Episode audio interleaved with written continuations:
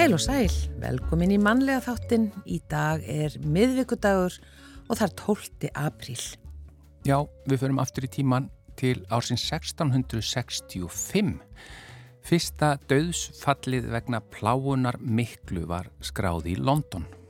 1912 farþegarskipið Titanic sem aldrei átti að sökva lagði upp í sína fyrstu og einu ferð skipið sökk þremur dögum setna eftir áreikstur við borgar Ísjaka.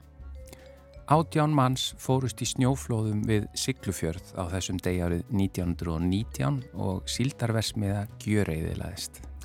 1952 vélbáturinn Veiga sökk við Vestmannegar, tveir menn fórust en sex björguðust í gúmibjörgunabát og þetta var í fyrsta sinn sem slíkur bátur var notaður hér við land. Mentaskólin á Laugavatni var stopnaður, eh, eða varð sjálfstæður mentaskóli á þessum degi árið 1953. Hann var fyrsti mentaskólin í dreifbíli á Íslandi. Og 1961, Júri Gagarin var fyrsti maðurinn til að fara út í geimin. Já, uh, og yfir í efni þáttanins í dag. Uh, hún kemur til okkar hingað, hún Sigriður Víðis Jónsdóttir. Hún hefur starfað meðal annars sem bladamæður, aðstofamæður, ráþherra og hjá UNICEF. En við ætlum að spjalla við hana um mögnuð ferðalög sem hún lagðist í til landa sem við fæst förum til en sjáum helst í fréttum eh, vegna stríðsátaka og gríðarlega erfiðra tíma.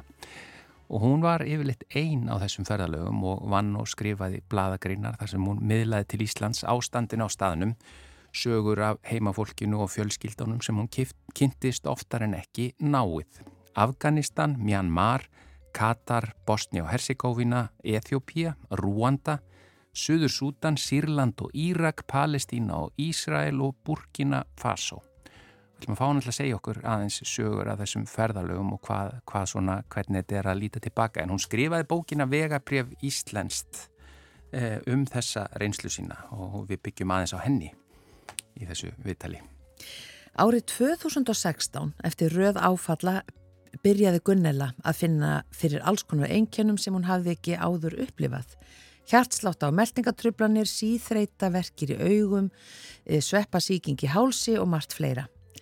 Tauga áfall, saði læknirinn.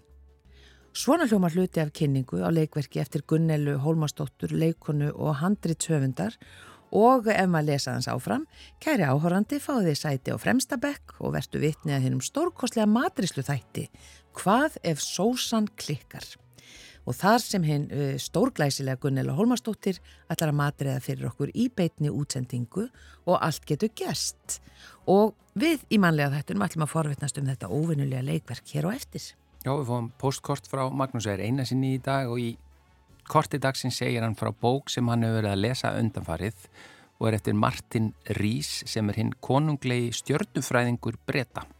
En í bókinni spáir höfundur því að helmingslíkur sé á að mannkinnið muni tortíma sér á þessari öld og færi fyrir því ímis rauk. Í framhaldinu veldir Magnús fyrir sér af hverju hinn ákafa leitað vitsmunna lífi utan jarðar hafi engu skilað og af hverju enginn hafi haft samband við okkur sem sveimum um á lítilli plánitu og teljum okkur viti borðnar verur. Já. Það er stóru málinn hjá Magnús í dag. Algjörlega, en við byrjum á uh, Hóteljörð, Heimir og Jónas og Vilborg Árnandóttir syngja hér saman lag eftir Heimir Sindrason og Tómas Guðmundsson samt í ljóðið.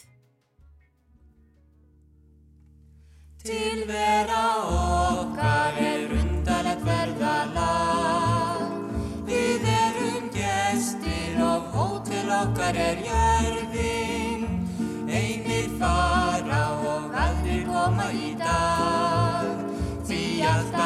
bætast nýjir hópar í skörðin Og til eru ymsir sem ferðala þetta þrá Og þó eru margir sem ferðalæginu kvíða. Og sumum líkur reyðinar óskup á En aðri setjast við hótelfluggan og býða En það er mannina svona stað. Og meðal gestan er sífældu fyrst og læti. Að lendir í stöðugri kernum að koma sér að. Og krækja sér í nógu þægileg sæti. Og þó eru sumi sem láta sér linda það að lifa út í horni og að reyktir og spaki það er svo misjátt sem mennirni leita að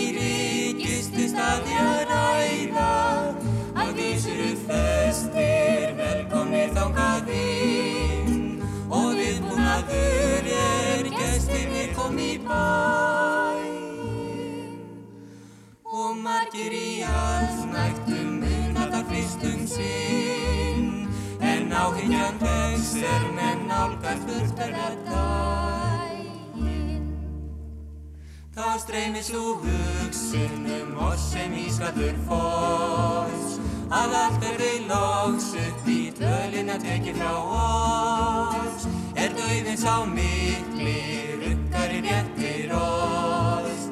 Reikningin yfir það sem að skrifa hjá oss. Þá verður oss ljóst að framar eitt flestur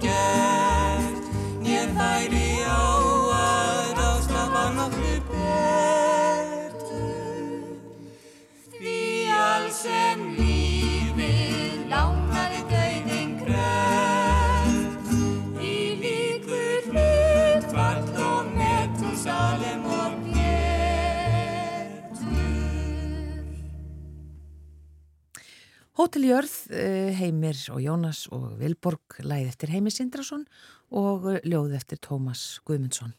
Já, það er engin tilvílun að Hotel Jörð var spiluð hér því að viðmælandi okkar Sigriði Víðis Jónsdóttir sem komið, er, er komin hinga og situr á móti mér, hún hefur ferðast nánast bara út um alla okkar Jörð. Og það er bókin Vegabref Íslenskt frá Afganistan til Bosníu og Burkina Faso uh, sem var gefin út núna fyrir jólun, ekki satt? Velkomin í þáttinn Sigriði. Takk fyrir. Jú, það passar. Hún kom út síðastlið haust. og það bara í sko, efnisyfirlitinu þá sér maður uh, að þetta er ekki á löngu tímbili, kannski á svona sex árum þá ert þú bara ferðu á öll helstu átakasvæði í heiminum. Og það sem að svona kannski erfiðustu mál og, og sem við höfum séð í fréttum hafa komið fyrir, þú kannski ert ekki akkurat á þeim tíma sem að alltaf erfiðast er í gangi eða stríðsátökin.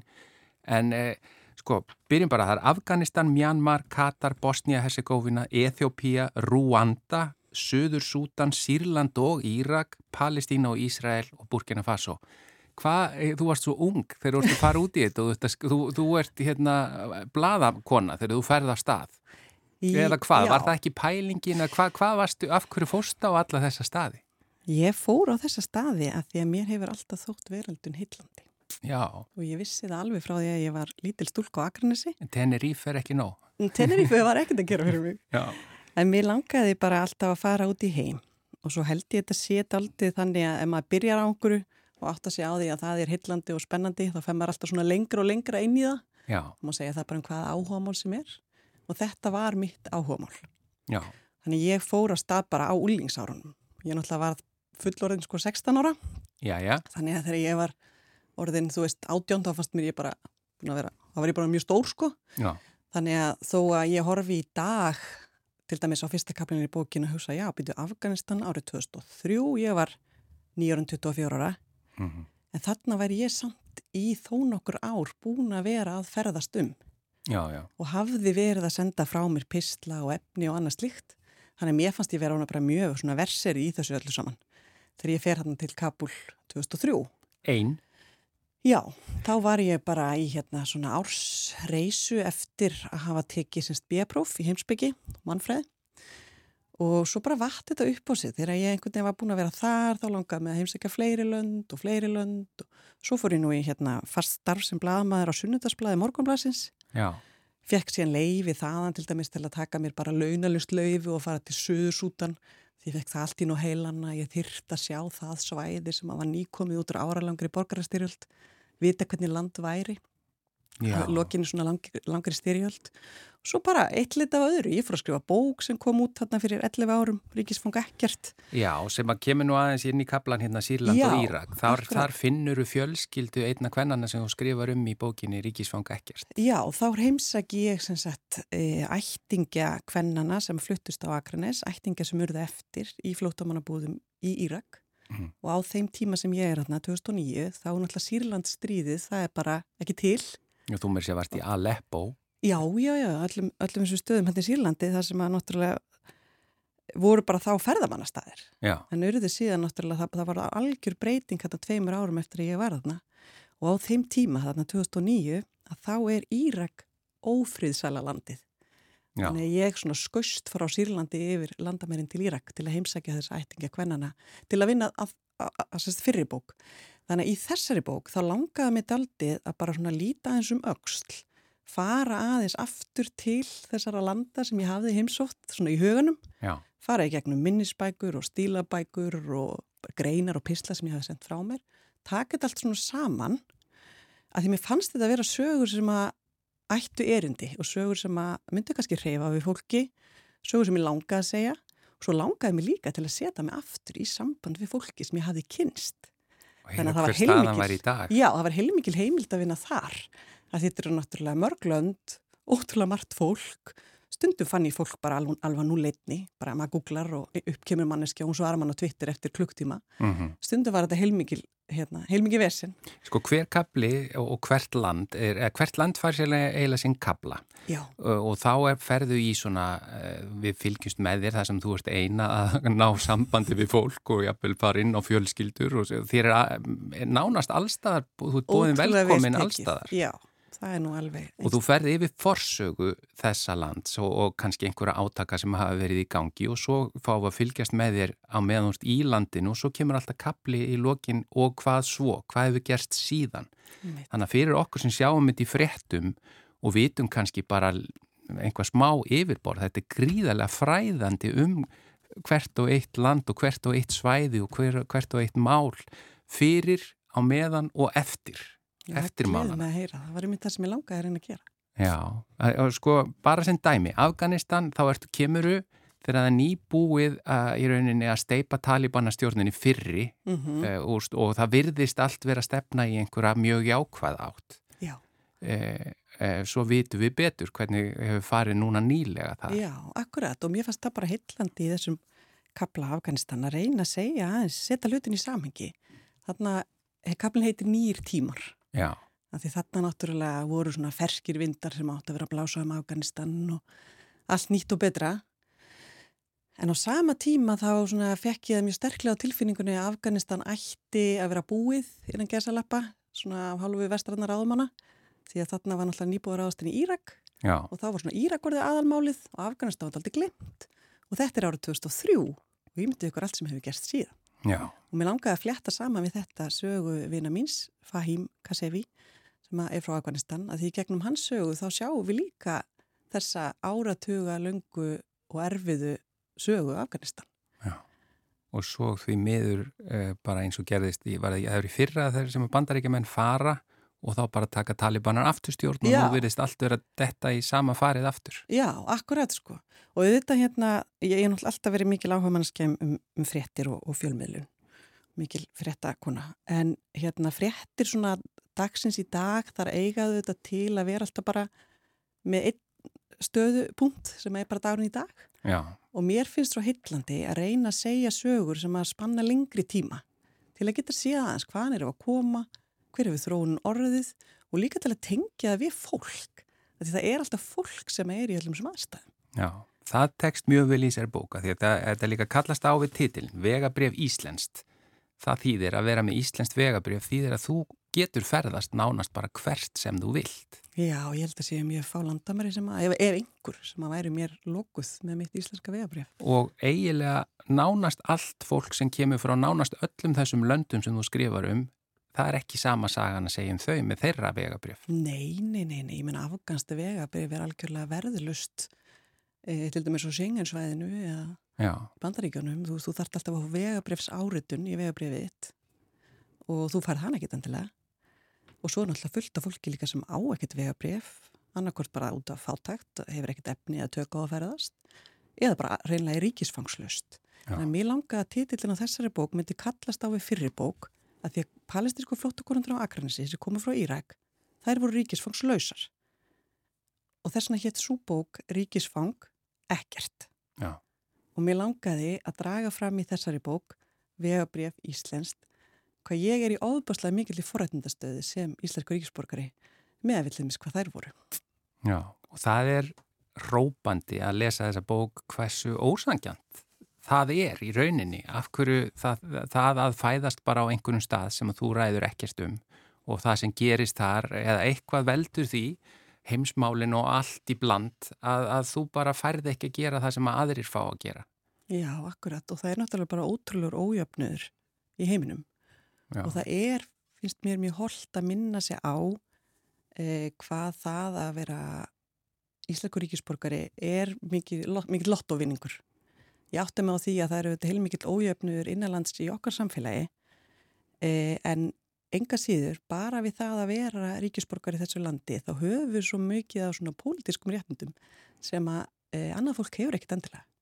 Til dæmis eins og ef ég lendi í vanda erlendis þá get ég alltaf hringt í borgarþjónustuna í utaríkisarlandinu og þau koma mér til hjálpar. Já. Það er bara alveg einstaktt. Og þú, ég menna sko, þú ert í Bosníu, Herzegovinu, ekkit laungu eftir að stríðinu líkur þú ferði rúanda eh, hvað var langt liðið frá því að allt Þa, það hefði þjóðamorðið sko, það, það var alveg áratugur liðin síðan það var, já. já en það var fólki ennþá svo í fersku minni að ég manna svona ættingjur af einu söpu pínu kveljur það ferði rúanda!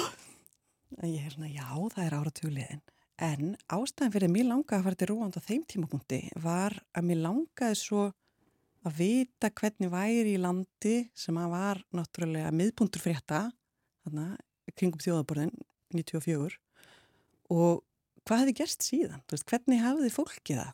Mm. Hvernig, hvernig jafnar þjóð sig eftir svona svakalegar hörmungar þar sem að 800.000 manns var slátrað Já. þreymur mánuðum?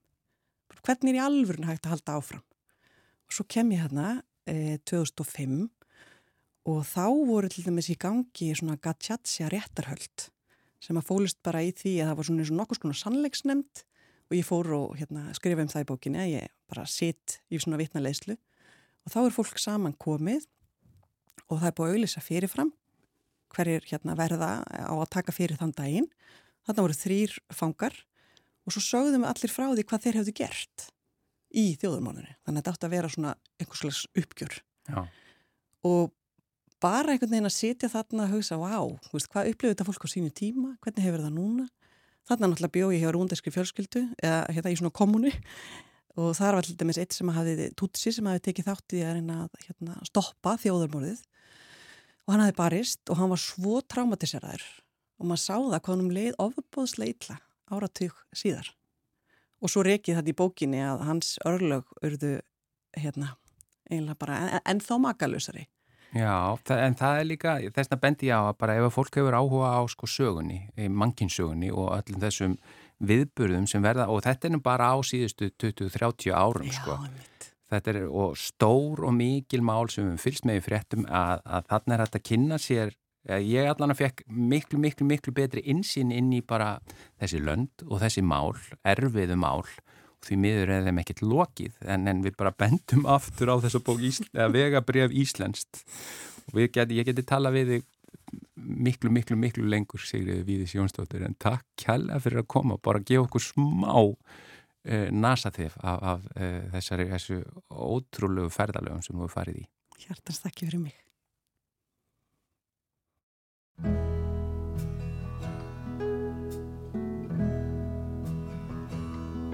hátt í kvoru rís úr hafinu land. Hátt í kvoru sigla hetur í strand. Þar sem auðnin köld fer ein með völd. Aldan leikur við sand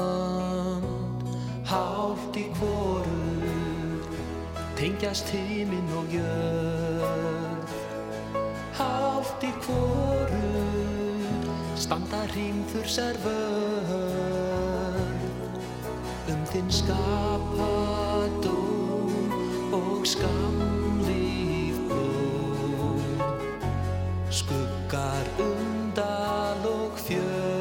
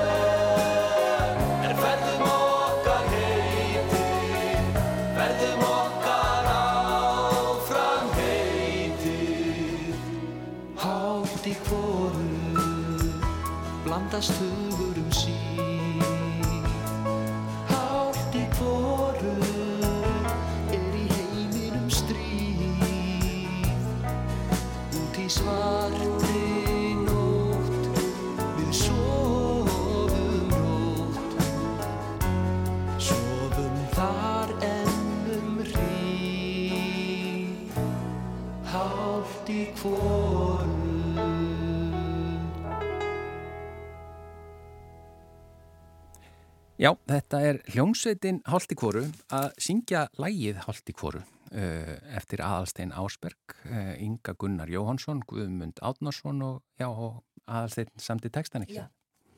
Aðasteitt samti textan passar og þetta er svona, eh, já þetta er svona dálítið langt síðan, þetta er svona eina kannski e, ef að glöggir heyrði þá var þetta Egilur Kristjánsson sem, sem söng, svona eitt af þessum fyrstu lögum hálft í koru, svona þannig lagað. Já, En að minnstakosti svolítið langt síðan, áratugir.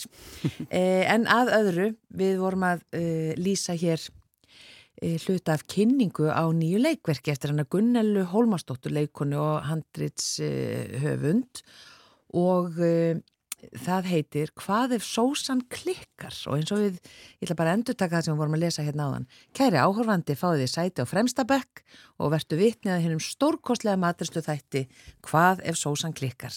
Það sem hinn stórglæsilega Gunnela Hólmarsdóttir ætlar að matriða fyrir okkur í beitni útsendingu og allt getur gerst. Velkomin til okkar Gunnela. Já, takk fyrir. E, þú ert sem sagt að e, hvað, baka í, eiginlega í beitni því að það gerist á sviðinu. Já, ég er endar að elda sko, Eða bara stórmáltíð. Já. Það eru brúna kartöblur og, og allt sko. Uh, hérna, já, og þetta er sjónvastáttur í beinni útsendingu. Þannig að formið af leikritinu er sagt, bein útsending.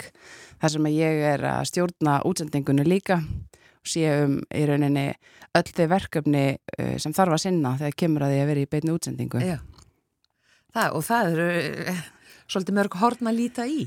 Já, og það er í rauninni svolítið svona, eins og ég segi, speil hérna dags, dagsins míns allavega sem konu. Ég þarf að vera að sinna rosalega mörgum verkefnum yfir daginn og hluti af því er þetta húsmaðra uh, hlutverk sem að er búið að fylgja mér frá því að hérna amma mín sem sagt kendi mér að, að elda og sagði mér hvernig ég ætti að gera hlutina og, og mamma hennar og þið veitir, þetta er búið að fara svona kolla kolli. Já, kynslu fram að kynslu. Já, Já, Þó þú setja elda í verkinu og, og, og titillin gefur svona smá spennu hvað ef sósan klikkar. Þetta er mjög persónulegt verk, samt er það ekki? Jú, þetta er það. Ég hérna, þegar ég sótt um í, í listaáskólan í, í master í sviðslistum, þá átti ég að sækja um með rannsókna spurningu og uh, ég fekk sjálf taugáfall 2016 eftir bara röð af hérna, áföllum og það hefur bara fyllt minni fjölskyldu áföll og bara mikil saga um áföll og hérna, og mér langaði svona eitthvað að skoða það En svo samtíma er að koma hérna út uh, rannsóknum sem að bara sýnir það skýrt að við erfum áföll uh, og ég svona fer eitthvað aðeins dýbra í þetta og, og fæ síðan þessa hugmynd að skoða sem sagt bara áhrif maturslubóka á tauga áföll hvenna. Að því að það er í rauninni eitthvað svona, það er hluti af því hvers vegna mér fannst ég vera bregðast um, það var þetta að vera ekki að standa með sem húsmóðir og finnast ekki droslega gaman að elda og vera kannski ekki sérlega góð í því og, og þetta en eiga að vera það sko. Og þá fór ég að skoða og maturslubækur sko segja okkur rosa mikið um hvernig við eigum að matræða en þar ef við skoðum sko söguna þá sögðar okkur líka hvernig við ættum að haga okkur og hvernig við ættum að vera. Og í dag er þetta líka, við erum að sjá Instagram og í alls konar tímaritum og svona það er verið að sína okkur hvernig við eigum að bera fram á borðið og hvernig við eigum að skreita heimiluð okkar og, og hvað ég á að kaupa, hvað diska ég á að kaupa og hvað er flottasta matastælið þið viti og all, allt þetta. Og ég tengi þetta bara allt saman og, og setja þetta í svona eina klausu sko með matræslubækunar sem svona já, aðal. Merki. gl- Glansmyndin kannski eins og hún, eins og hún átt að vera eða hvað? Já, já og bara glansmyndin sem að við búum við ennþá sko. Þe- þetta er ekkit, það verður ekkit mikið breyst. Við erum að þá að keppa við þessa glansmynd, Já, konur. við, ég held að séum svolítið öll að gera það bara á misjafnan hátt. En ég held að konur hafa mun meira fundi fyrir þessari pressu sem sagt um, þetta með maturslubækunar að, að, að þær átt að vera góðar í að elda og karlmenn hafa fengið að nálgast um, matagerð á allt öðrum annan hátt heldur en konur. Karlmenn fá svolítið að velja. Hef ég áhuga á að elda, langar mig að elda á meðan við erum frekar aldar upp við að eiga elda og eiga að sjá um þetta. Og þegar maður nálgast eitthvað á þann hátt og þá oft, eða ég allavega finn fyrir svona, um, já, kannski er ég ekki jafn opinn fyrir því. Ef einhver segir mér ég að gera eitthvað. En aftur á mútið eins og maðurinn minn hann hefur brótrúlega mikið áhuga á að elda og fær bara að nálgast það skiljið af eitthvað svona ástriðu og það er einmitt svolítið merkjöld að skoða þú veist hverjir hafa verið kokkarnir okkar e, í gegnum tíðina og kokka landsliðið og, hérna, og þetta hefur meira minna allt verið karlmenna því þeir hafa fengið að nálgast þetta af ástriðu í staðan fyrir svona eiga sjá um þetta Já, akkurat, áhugavert. E, þú ert að sína þetta leikrit í Tjarnabí og það verður frumsýnt á sunnudaginn. Já, E, þú sem sagt í rauninni bjósta til eða samtir það í þínu mastersnámi. Já. Þetta er bara þitt mastersverkefni. Já, þetta er mitt, my masterpiece. Mistaraverkefni. Já, svo, svo finnir þú að lesa hérna kynninguna. Ég er náttúrulega, ég er að gera allt. Mér finnst það líka bara svolítið svona uh, til þess að vera svona sönnverkinu og þá er ég í alvörun að sjá um búningana og sviðsmyndina og þið veitir, sjá allt. Þannig að ég skrifaði þessa lýsingu af sjálfur mér, þið veitir, stór glæsilega og allt það er þetta. frábært. En hérna, en já, ég samti þetta uh, í, í náminu. Og til að vera trúverkinu þá bara sér þú bókstaflega nánast um allt. Já. Já. ekki, ég sé ekki um uh, ljósahönnun og ekki um sem sagt, hljóð heiminn hann Andris Þór Þórvarðarsson er tónskaldið á bakvið verkið Mm. E, svona forsendan kannski, þetta er eh, á frjálsu senunni, þetta er í Tjarnabíu. Já, Já, og svona kannski forsenda fyrir svona uppsetningum er að fólk fær styrki. já, en þeir sem ekki fá styrki, þeir bara gera hvað? þeir fara bara á sorpu og finna leikmyndina sína þar ég hérna, eh, leikmyndin mín er eiginlega öll endurunnin en ég er líka mjög umhverfisvæn og skipti mig miklu máli og hérna, og svo reyndi ég bara að gera allt á sem ódýrasta máta en var síðan með smá söfnun á Karolína fönd Mm. og ég er að selja svundur og segla og ískápinn og bara ímislegt. Ég hérna var á hluti á Karolína Fönd var sem sagt að þú gæst keift skemmteðadriði og ég kom heim, eh, kem heim til fólks og elda fyrir tíu vini og eh, syng og sprella og svona líka sko. Til að fjármagna til að verkið. fjármagna verkið. En eins og titillin gefur til kynna hvað ef sósan klikkar og Já. þú setur þetta upp eins og beina útsendingu Mm í sjómastætti Já, þá þykist maður sjá allan að þetta gengur ekki alveg áfallalust fyrir sig. nei. Og það er svo sem ekki sko kannski aðal atriðið að hvort að sósan klikkaði ekki heldur er þetta heimildaverk og heimildirnar í verkinu er í rauninni það sem að gera verkið sérstætt og það sem að skipti máli. En það eru bæði viðtölvu ömmu mína, um, hún er stórpartur af síningunni og svo heimildir í rauninni bara matræslu bækur og, og saga okkar og líka saga auðlýsingana sem hvernig þeir hafa haft áhrif á okkur í gegnum sko heimilið og heimilistörfin. Já, akkurat. E, og eins og við sögum, þetta er mjög persónlegt verk. E, svona, hvernig reynir þetta á því að fara í gegnum í rauninni áföll fjölskyldunar? Já um, sko ég get alveg, alveg sagt að þegar ég síndaði upp í listaháskóla að þá sko tók ég bara, ég laðist á gólfið og ég bara fór með bænir sko. Ég var alveg bara uh, alveg þar, ég hugsaði bara hvað er ég að gera í fyrsta lagi sko bara, ég er ekki bara að ofnbæra mig heldur líka ömmu mína Mm. sem ég elska sko meirinn allt, hún ól mig upp og mér leiði svolítið svona eins og ég væri að berskjalda, þú veist, okkur kannski aðeins og mikið en svo leið henni vel með þetta og mér leiði vel með þetta og mömmu minni líði vel með þetta, það líður öllum vel. Það er allir sáttir og þetta er eitthvað sem okkur langar líka að fólk sjáu og viti af til þess að uh, kannski mögulega er einhver annar aðna úti sem að um, fær nýja sín og ég fekk mitt mikið svoleiðis að skilabóðum frá vinkonum og svona eftir sem sagt ég síndi verkið upp í listaháskóla að þá svona vá, takk fyrir einhvern veginn að benda mér á í hvað heimi ég er búin að vera að lifa án þess með á því og álæði sem að því fylgir sko, Mm. þessi pressa. Já, akkurat. Þetta er uh, spennandi og uh, það er sem sagt síning á sunnudaginn, frumsýning Já, og ætlar að sína þetta eitthvað svona fram á sumar eða? já þetta það eru síningar alveg planaðar eitthvað fram í veljum, 20. mæi eða eitthvað, ég menn ekki alveg. já. En það er bara tix.is og rætt að finna allar upplýsingar um þetta þar. Mér langar reyndar að segja að þetta er sko grínverk. Já. Þetta er, er mikið hleið. Og það kom mér eiginlega svolítið óvart, sko. Og átti það ekki að vera þannig? Það var en- endilega pælingin. Mér langaði aldrei að nálgast þetta eitthvað voða dramatíst. Mér finnst sjálfur ekki skemmtilegt að horfa á uh, dramatík sem er of, of þung og, og svona mér finnst skemmtilega að nálgast allt uh, með hlátri, sko.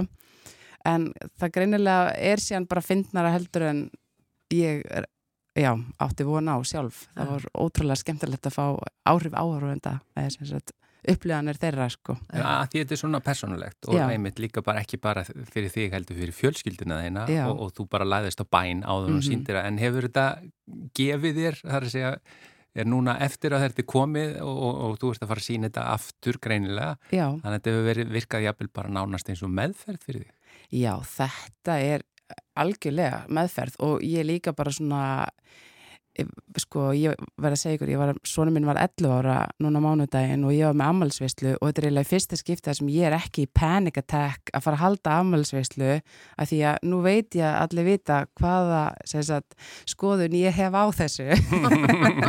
Það voru enga væntingar hjá fólki lengur þannig að ég gat bara keift bakarísbröð og salat og, og eitthvað svona, skilið það var alveg jafn gaman, það var alveg Eða gaman. miklu meira kannski og ég einhvern veginn slakari þó að ég var ekki búin að skrúpa flýsurnar í sturtunni sko. Mm, akkurat. Kæra þakkir fyrir komina í mannlega þáttin Gunnella Hólmarsdóttir, leikona og það er þessi síning í Tjarnabíói Hvað ef sósan klikkar? Og eh, segir maður ekki bara poi poi? Jú. Er það toi? það, þú mátt segja hvort sem Já. er, ég rækki yfir öxlina á henni Já, á eftir kannski bara. ég kem blöyt út Takk fyrir. takk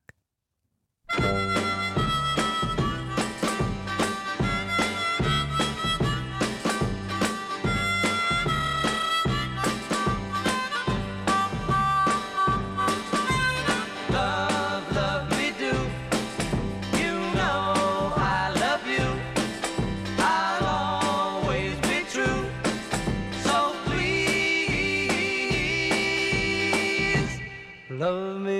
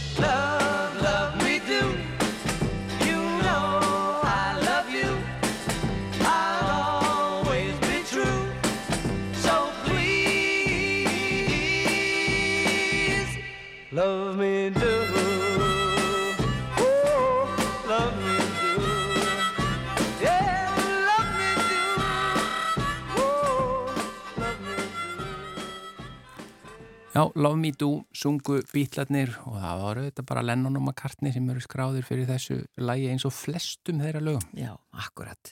Og nú er komið að Magnúsi er eina sinni, hér kemur postkort frá honum. Heil og sæl.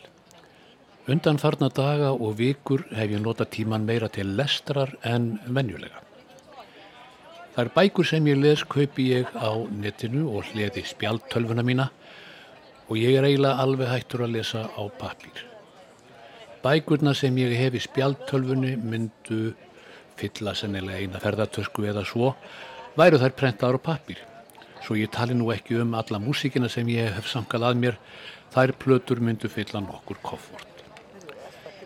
Ein af þeim bókum sem ég hef verið að lesað undanförnu er eftir höfundanafni Martin Rees. Hans aðalstarf er fólkið í því að vera konunglegur stjörnufræðingur bretta. Bókin heitir Our Final Century og undirtitillin er Will the Human Race Survive the 21st Century? Mun mannkinni lifa 21. öldina af. Þetta er ekki beint upplýfgandi lesning, það verður að segjast. Hinn konunglegi stjórnumfræðingur spáir því að það séu um það byrj helmis líkur á að mannkinn muni tortíma sér á þessari öld. Það er alveg hægt að mæla með bókinni fyrir þá sem þóla heimsenda kenningar. Ég hef haft áhuga á stjórnumfræði frá því ég var krakki og ströðseiðisfyrði. Eftir að einn kennarinn í barnaskólan benti mér á Órión sem blasti við í öllu sínu veldi eitt frostkalt kvöld yfir fyrðinum og saði mér að þetta væri veiðimaðurinn sem væri að elda nöytið og allar megarnar sem mynda sjöstjörnuna. Stjörnumfræðin er móðir allra vísinda er stundum sagt þegar menn gerast hátilegir. Frá örófi alda hafa menn hort til himins og reynt að átta sig á hinnu kosmíska spilverki. En snemma á 17. öld var sjónaukinn fundið upp og þá breyttist allt. Þá gáttu menn loks áttað sig á gangi himintungla og það urðu gríðarlega framfærir í stjörnufræði og tengdum vísindum upp frá því. Skömmu áður hafði ítalsku prestur Giordano Bruno að nafni verið brendur á báli í Rómaborg á kampóti Fjóritorkinu fyrir að hafa haldið því fram að á fjarlægum hnöttum í kringum stjörnurnar á himnum væri þróað vitsmunalíf. Þetta taldi katholska kirkjan reynræktaða villutrú og brendi Bruno á báli fyrir vikið, 17. februar árið 1600. Setna reistu Rómarbúar honum stittu sem enn setur alvarlegan svip á þetta fagra torg. Bruno var sá fyrsti sem vitaður um að hafi látið sér þetta í hugvitsmunalíf utan jarðarinnar. En síðan þá hefur spurningin um líf á fjarlægum hnöttum verið áleitin og sennilega aldrei meira en nú. Opinbera stopnarnir hjá mörgum þjóðum verja gríðarlegu fér til rannsókn á heimingeiminum og leita meðal annars svars við spurningunni er einhver þarna úti? Er eitthvað líf að finna utan þessara litlu jarðarkúlu sem við mannkynnið sveimum á í órævítum alheims? Og þá vantar ekki ímyndunaraflið. Skáldsögur hafa verið skrifaðar, kvikmyndir og sjómarsþættir filmaðir, ljóðin hafa verið orft og söngvarsungnir um líf utan jarðar. En þögnin utan úr geimnum er æpandi. Það hefur engin vitsmun að vera frá fjarlægum netti gefið sér fram og það hefur ekkert fundist þrátt fyrir mikla leit í meirinn 400 ár. Ef það er eitthvað vitsmunalíf að finna utan jarðar, hvers vegna hefur það þá ekki gert vart fyrir sig? Hvers vegna höfum við ekki fundið það? Þeirra spurningar spurði bandaríkri stjarnæðilisfræðingurinn Frank Drake árið 1960 og til að reyna að finna eitthvað hugsanlegt svar við þeirri spurningu þá bjó hann til jöfnu starðfræði formúli sem við henn er kent og kallast Drake jafna. Henn er ætlað að segja fyrir um hversu margar exoplánetur í geimnum geta hugsanlega hýst vitræn menningarsamfélag. Jafnan er frekar flókin en það er hægt að segja frá innihaldi hennar sem gæti hljóðað á þá leið að fyrst gerum við okkur grein fyrir hversu margar stjörnur eru í einni galaxíu. Það er skipta miljörðum. Síðan finnum við út hversu margar plánettur er á sporbraut um stjörnurnar. Það var tiltölulega nýlega eða fyrir rúmlega 20 árum sem menn fór að finna exoplánetur og nú er vitað að þær skipta miljörðum miljarda sumuleiðis. Gætu lífverur virkilega lifað á einhverjum þeirra? Hellingur af þeim er bara gasnettir eins og Júpiter og Saturnus, aðrar eru annarkvort á heitar eða á kaldar fyrir fljótandi vatn sem er frum forsenda lífs hér á jörðu sem og annar staðar. En það hafa fundist nokkrar sem eru líklega til að hafa réttu skilirinn fyrir líf. En hversu líklegt er það að líf þróist á öðrum plánatum í fjarlægum sólkerfum í öðrum galaxíum? Það er vitað að líf myndaðist á jörðinni fyrir miljörðum ára skömmu eftir að sólkerfið okkar myndaðist og það er að finna á ólíklegustu stöðum. Ofan í sjóðandi hverum í brennisteinsvatni hafa fundist lífverur. Líka í algjörum myrkri í dýfsta hafi Sömulegis hafa fundist lifandi bakterjur í geislavirku umhverfi sem undir drepa mannveru og augabræði. Það hafa fundist lífverur sem þrýfast í fljótandi vettni og í sjóðandi alkohóli. Lífið er töff og það trýfst við ótrúlegustu aðstæður hér á jörðu. En áfram með jöfnuna hans dreik og nú er komið að því að velta fyrir sér í hversu mörgum tilvíkum mun vitsmunalíf þróast á fjarlægum nöttum. Það er algjörlega opinn spurning sem er vísindamál og þýðir að við höfum ekki græna glóru. En vísindamenn telja samt líkurnar á vitsmunalífi utanjarðar vera yfirgnæfandi og dreik jafnan gefur til kynna að það sé vitsmunalíf að finna út um allt í alheimi. En þá er það spurningin, hvers vegna höfum við ekkert heyrt eða séð eða orðið á neittnhátt vör við þetta vitsmunalíf sem er búið að rekna út með líkindareikningi að sé til staðar í öllum galaxíum. Fjarlægðirnar eru svakalegar og ferðalög á milli sólkerfa eru óhugsandi fyrir okkur jarðarbúa miða við þá tekni sem við búum við í dag. Með bestu tekni sem við höfum yfir að ráða þá myndi það taka minst 81.000 ár að ferðast til okkar næsta nágranna í vetrabrautinni sem heitir Proxima Centauri. Jábel þótt ferðast vera á ljósraða þá myndi það taka okkur rúm fjögur ár að heimsækja Proxima Centauri til að tekka á því hvort einhver sér þar um slóðir með ráðu og rænu. En hvers vegna höfum við ekkert heyrt frá geimverunum vitibornum sem er búið að reikna út með flóknum formúlum að eru út um allt í alheimi? Öll rauk og öll líkindi nýga að því að það líf sé til staðar en við höfum hvorki heyrt í því nýsið. Einn möguleikin er sá að vitsmunalíf sé fágætt utan jarðar þótt minna þróaðar lífveru séu sennilega algengar. Þótt líf hafi myndast á jörðu skömmu eftir að sólkerfið var til, þá liðu miljardar ára þar til hinn vitiborni maður kom fram á sjónasviðu. Annar möguleikir sá að vitsmunalíf munu óhjákvæmilega á endanum eigða sjálfu sér. Og þar til nýlega fólust sjálfseyðingar möguleikar jarðarbúi eingöngu í kjarnorkuvopnum. En nú erum við byrjuð að þróa og vika út vopnabúrð og bæta við erðabreyttum veirum.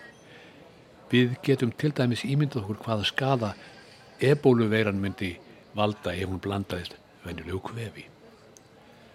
Við erum líka að þróa nanovílar, örsmáa róbóta sem eru hannaðir til að fjölga sér og þær vílar geta farist út um allan líkamann. Reyndar út um allt í lífríkinu, unnið gríðalegt tjón ef eitthvað skildi fara úr skeiðis í prógrameringunni.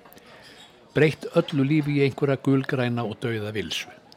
Þetta og sikvað fleira meðal þess sem hinn konunglegi stjórnumfræðingur breyta sem ég myndist á í upphafi óttast að verði mannkinnað fjörtjóni ef ekki verður komið skikki á þá þróun sem er að eiga sér stað á mörgum sviðum, sérstaklega á líftækni sviðinu.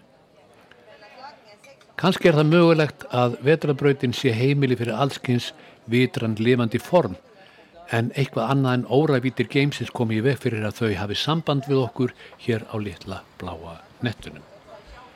Þar erum við náttúrulega komin inn í heim allskins spekulasjóna og möguleika sem eiga sér litlar ef nokkrar fórsendur í vísindum. Kanski er galaxían okkar, vetrabrautin, stór hættilegu staður full af róbótum sem anstíkilegar og yllviljandi geimverur hafa sendt frá sér til að eigða allri samkeppni. Kanski það þess vegna sem allir þegja og láta lítið fyrir sér fara. Það var nú engin annar en Stephen Hawkins sem sagði að það hefðu verið stórkoslega mistök að senda geimfur út fyrir sólkerfið með nákvæmri lýsingu á því hvar jörðin á hennar íbúa væri að finna. Hann vildi að við hættum að senda frá okkur skilabóð og reyna að leita vitsmuna utan jarðar því líkindin á því að þeir vitsmunir, hvort sem þeir eru lífrænir eða vélrænir, séu fjandsamleir, að þeir eru á miklir að hans mati. Önnu tilgáta er svo að æðri menningar heimar í fjarlægum sólkerfum hafi ákveðið að vera ekkert að hafa samband við óæðra lífform eins og hér þrýfst á jörðinni að þeirra mati. Og þess vegna séum við nánast í einhvers konar kosmískum dýragarði sem er mertur bannað að tala við dýrin. Bestu kveðjur og góða stundir.